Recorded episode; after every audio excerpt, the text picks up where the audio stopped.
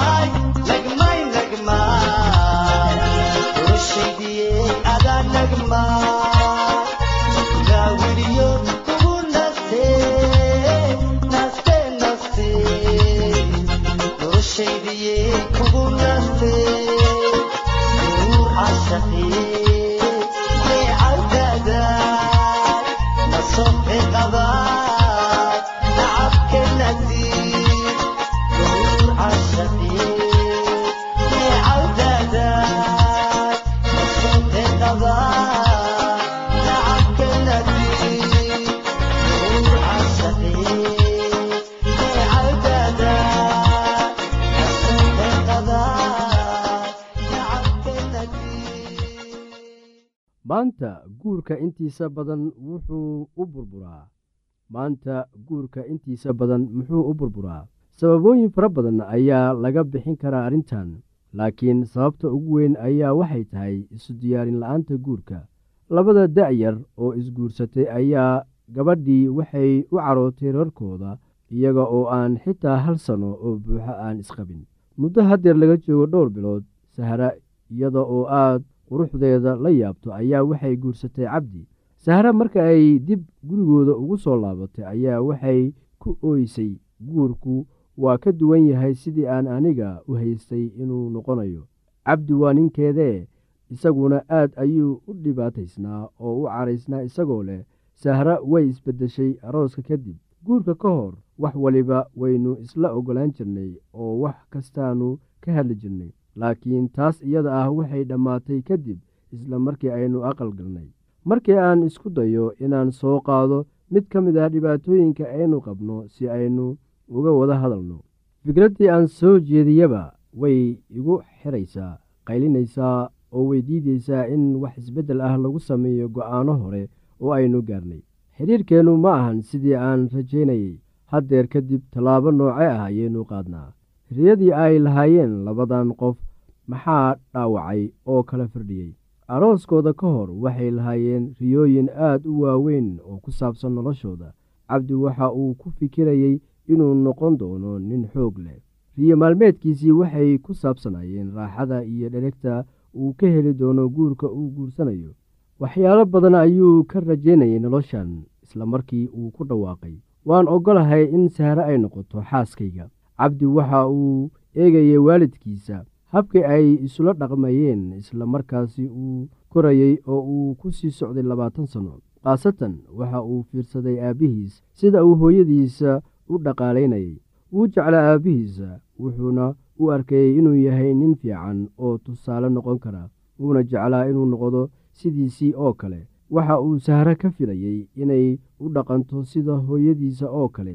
Haddeer waa uu guursaday wuxuuna jecel yahay inuu buuxiyo shuruudaha ninka laga doonayo sidii uu aabbihiisa ka bartay. Laakiin nasiib daro sahro waa xaaskiisee waxay ku soo kortay xaaladtiisa ka duwan. Ma aanay awoodin inay u dhaqanto sida cabdi hooyadii sidii uu isagu filayey cabdi waxa uu xitaa fikrado guur ka soo qaatay meelo kale ah sida telefishinada buugta waxa ay dadkiisa sida waalidka abtiga iyo ayeeyadiisa bareen iyo wuxuu uu ka bartay cuqaasha. Inta badan noloshiisa waxa uu ururinayay warar ku saabsan sida uu ninka u dhaqmi lahaa. Nasiib daro sidoo kale waxa uu ururinayay fikrado ku saabsan sida naagtu u dhaqmi lahayd. Sahro hooyadeed hase yeeshee waxay ahayd naag howlkar ah oo aan cabsanin oo uu ninkeeda quruf quruf u keeni karin. Waa sahro aabbaheede sahro aabbaheeda maamulka guriga oo dhan waxa uu faraha u geliyey sahro hooyadeed. Islamarkaasi uu isagu shaqo tegayey cayaarahana u daawasho tegayey ama uu mashquulsanaa howlaha bulshada. Haddeer maadaama ay guri leedahay way garanaysay wixii naag wanaagsan samayn lahayd iyo wixii laga doonayey ama laga filayay iyada. Ka hor intii aanay guursan wax shaki ah kama uusan jirin inay leedahay awoodda ay ku noqonayso boqorada guriga. Waxay awooddeeda muujinaysay mar alle markii la soo baahdo. Haddeer markii ay fursaddii timid arrintii meel ayay iska noqotay. Cabdi waxa uu diiday inuu qaybtiisa cayaaro sidii nin wanaagsan laga filayay. Tanina waxay rabsho u keentay sahro. Waxay ku ooyeysay sida tan wax walba oo aan isku dayo inaan sameeyo waxa ay ka xanaajinayaan cabdi. Madaxa ayuu ii taagayaa oo wuxuu doonayaa inuu i xukumo. Intii aanan isguursan sida wuu ka duwanaa. Waa run cabdi ma uusan ahayn sida guurka ka hor. Maxaa wacay waxa uu sheegayey goortii uu cayaari lahaa booska ninka. Waxa uu cayaarayey booska saaxiib jacayl taasna waxa uu joojiyey markii uu guursaday ee ay ahayd inuu cayaaro booska ninka. Dadka badankiisa tan oo kale ayaa qabsata maxaa yeelay dadka waxay guurka ku waajahaan fikrad jacayl oo qalalan iyaga oo moodaya in wada noolaanshaha ninka iyo naagta ay yihiin wax fudud xiriirkii adkaa ee guurka sanadba sanadka ka dambeeya wuu sii wiiqayaa labada wada joogta sidii hore isuguma faraxsanaanayaan inay guurkooda ku kalsoonaadaan oo sidii hore isugu bogaan waa wax aan meesha ku jirin. Bulshadii ayaa waxay ogolaatay in kuwan wax soo saarka leh ee da-da yar ay ku laqmaadaan guurkan muranka ka taagan intii ay wax meel gal ah u qaban lahaayeen bulshada waddamada intooda badan waxay si wanaagsan qofka ugu diyaariyaan waxyaalo badan oo nolosha ku saabsan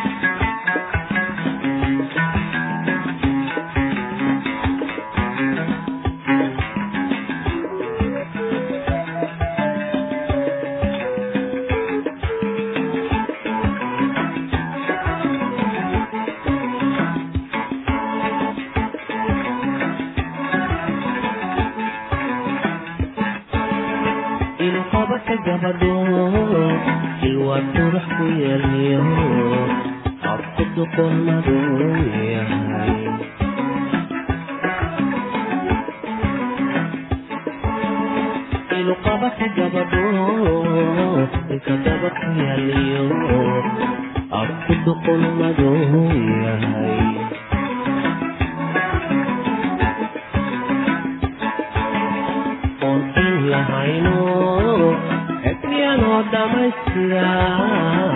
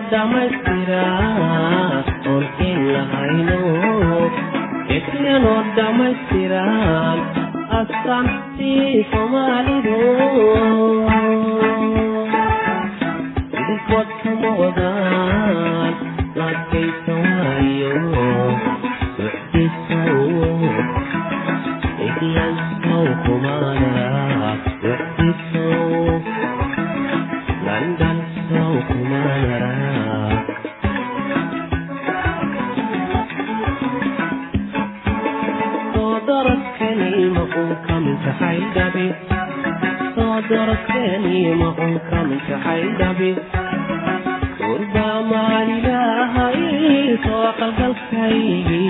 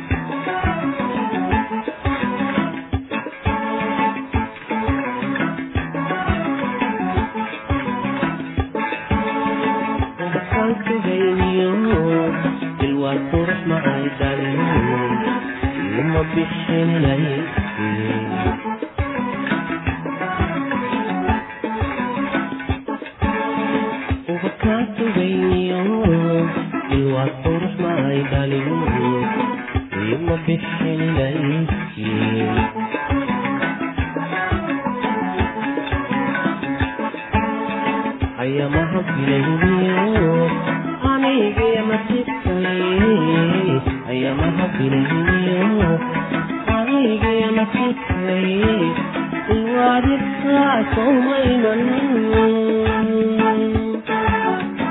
baqaadka nolosha waa hasbaarka gurikee wixdisow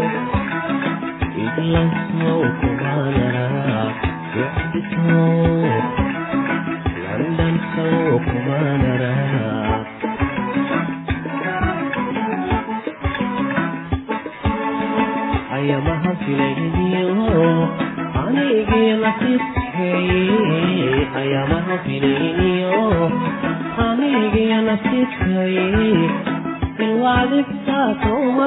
landansow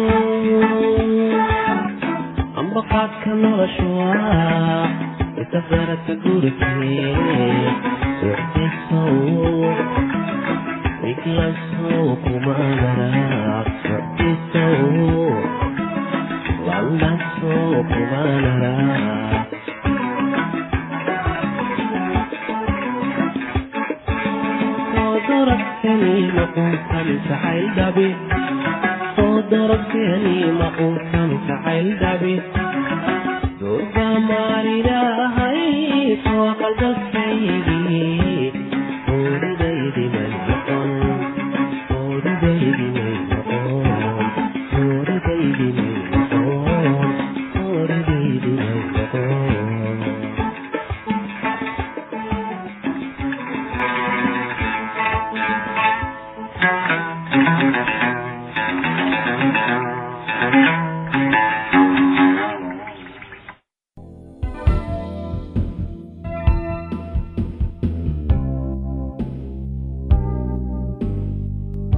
ubax aad guriga dhigatay ayaa waxa uu ka yeeli karaa mid ay indhuhu soo jiitaan. Ha ahaato guriga dhexdiisa ama gudihiisa. Waad waraabin oo korinaysaa wuxuuna guriga u keenayaa qurux.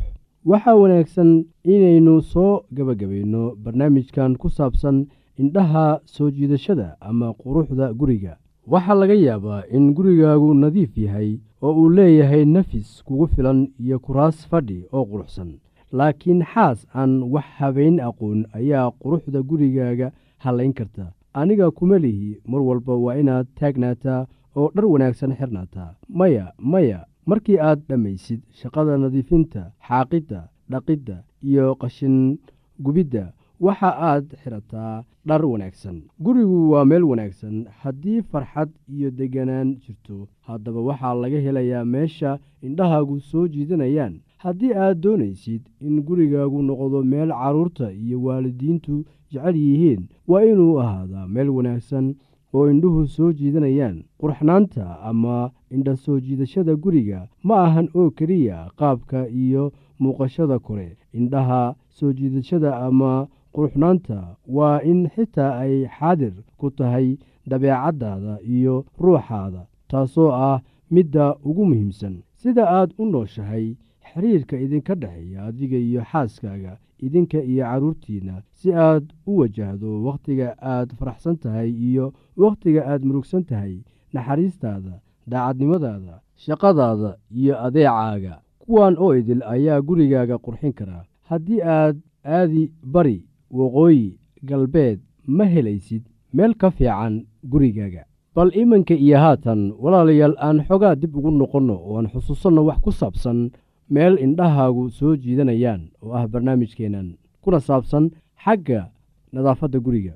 Guryaha qaar isla markii aad eegtidba indhahaaga ayay soo jiidanayaan qaarna indhahaagu ma jeclaysanayaan. Ma ahan mid inuu cusub yahay kan kalena duug yahay. Maya sidaasi ma ahan waxaa jira guryo badan oo duug ah laakiin haddana indhahaaga soo jiidanaya qaar cusubna ay indhahaagu diidayaan.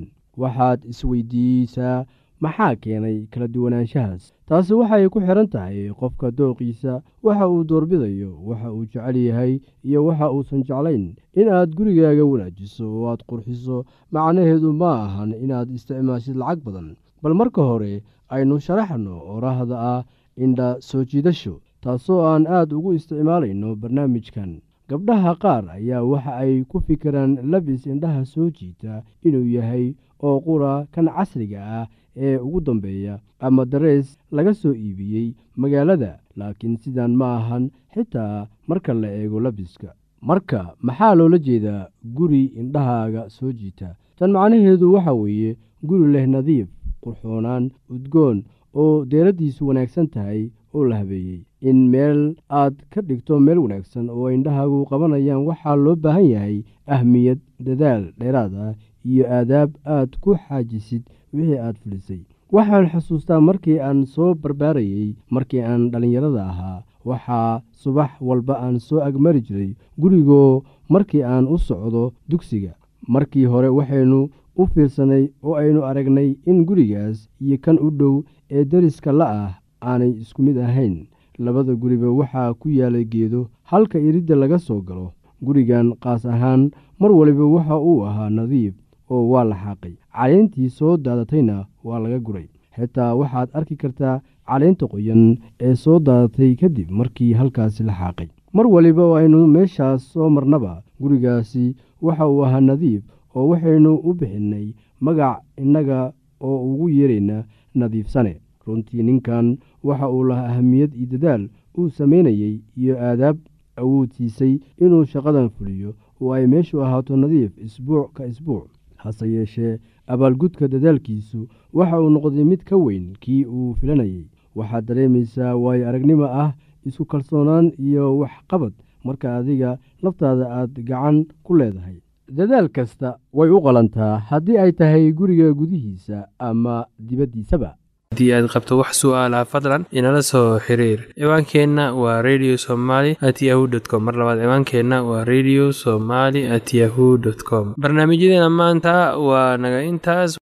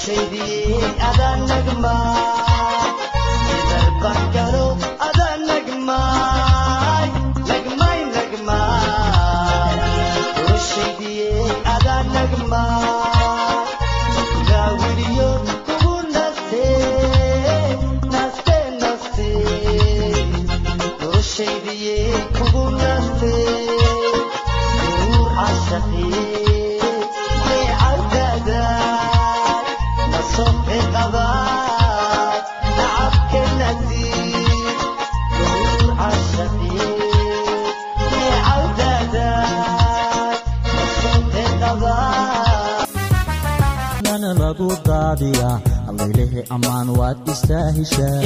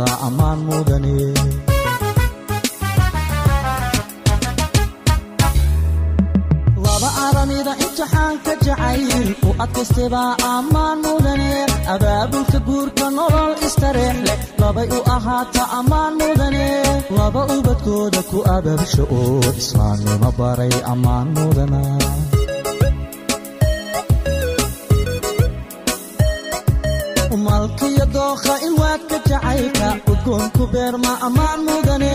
Laba ka ilaalsha nacabka irdhiy dhaqanku aroorsha ammaan mudane. Afka hoyo hiddaha asalka awlaadda tusaa ammaan mudane.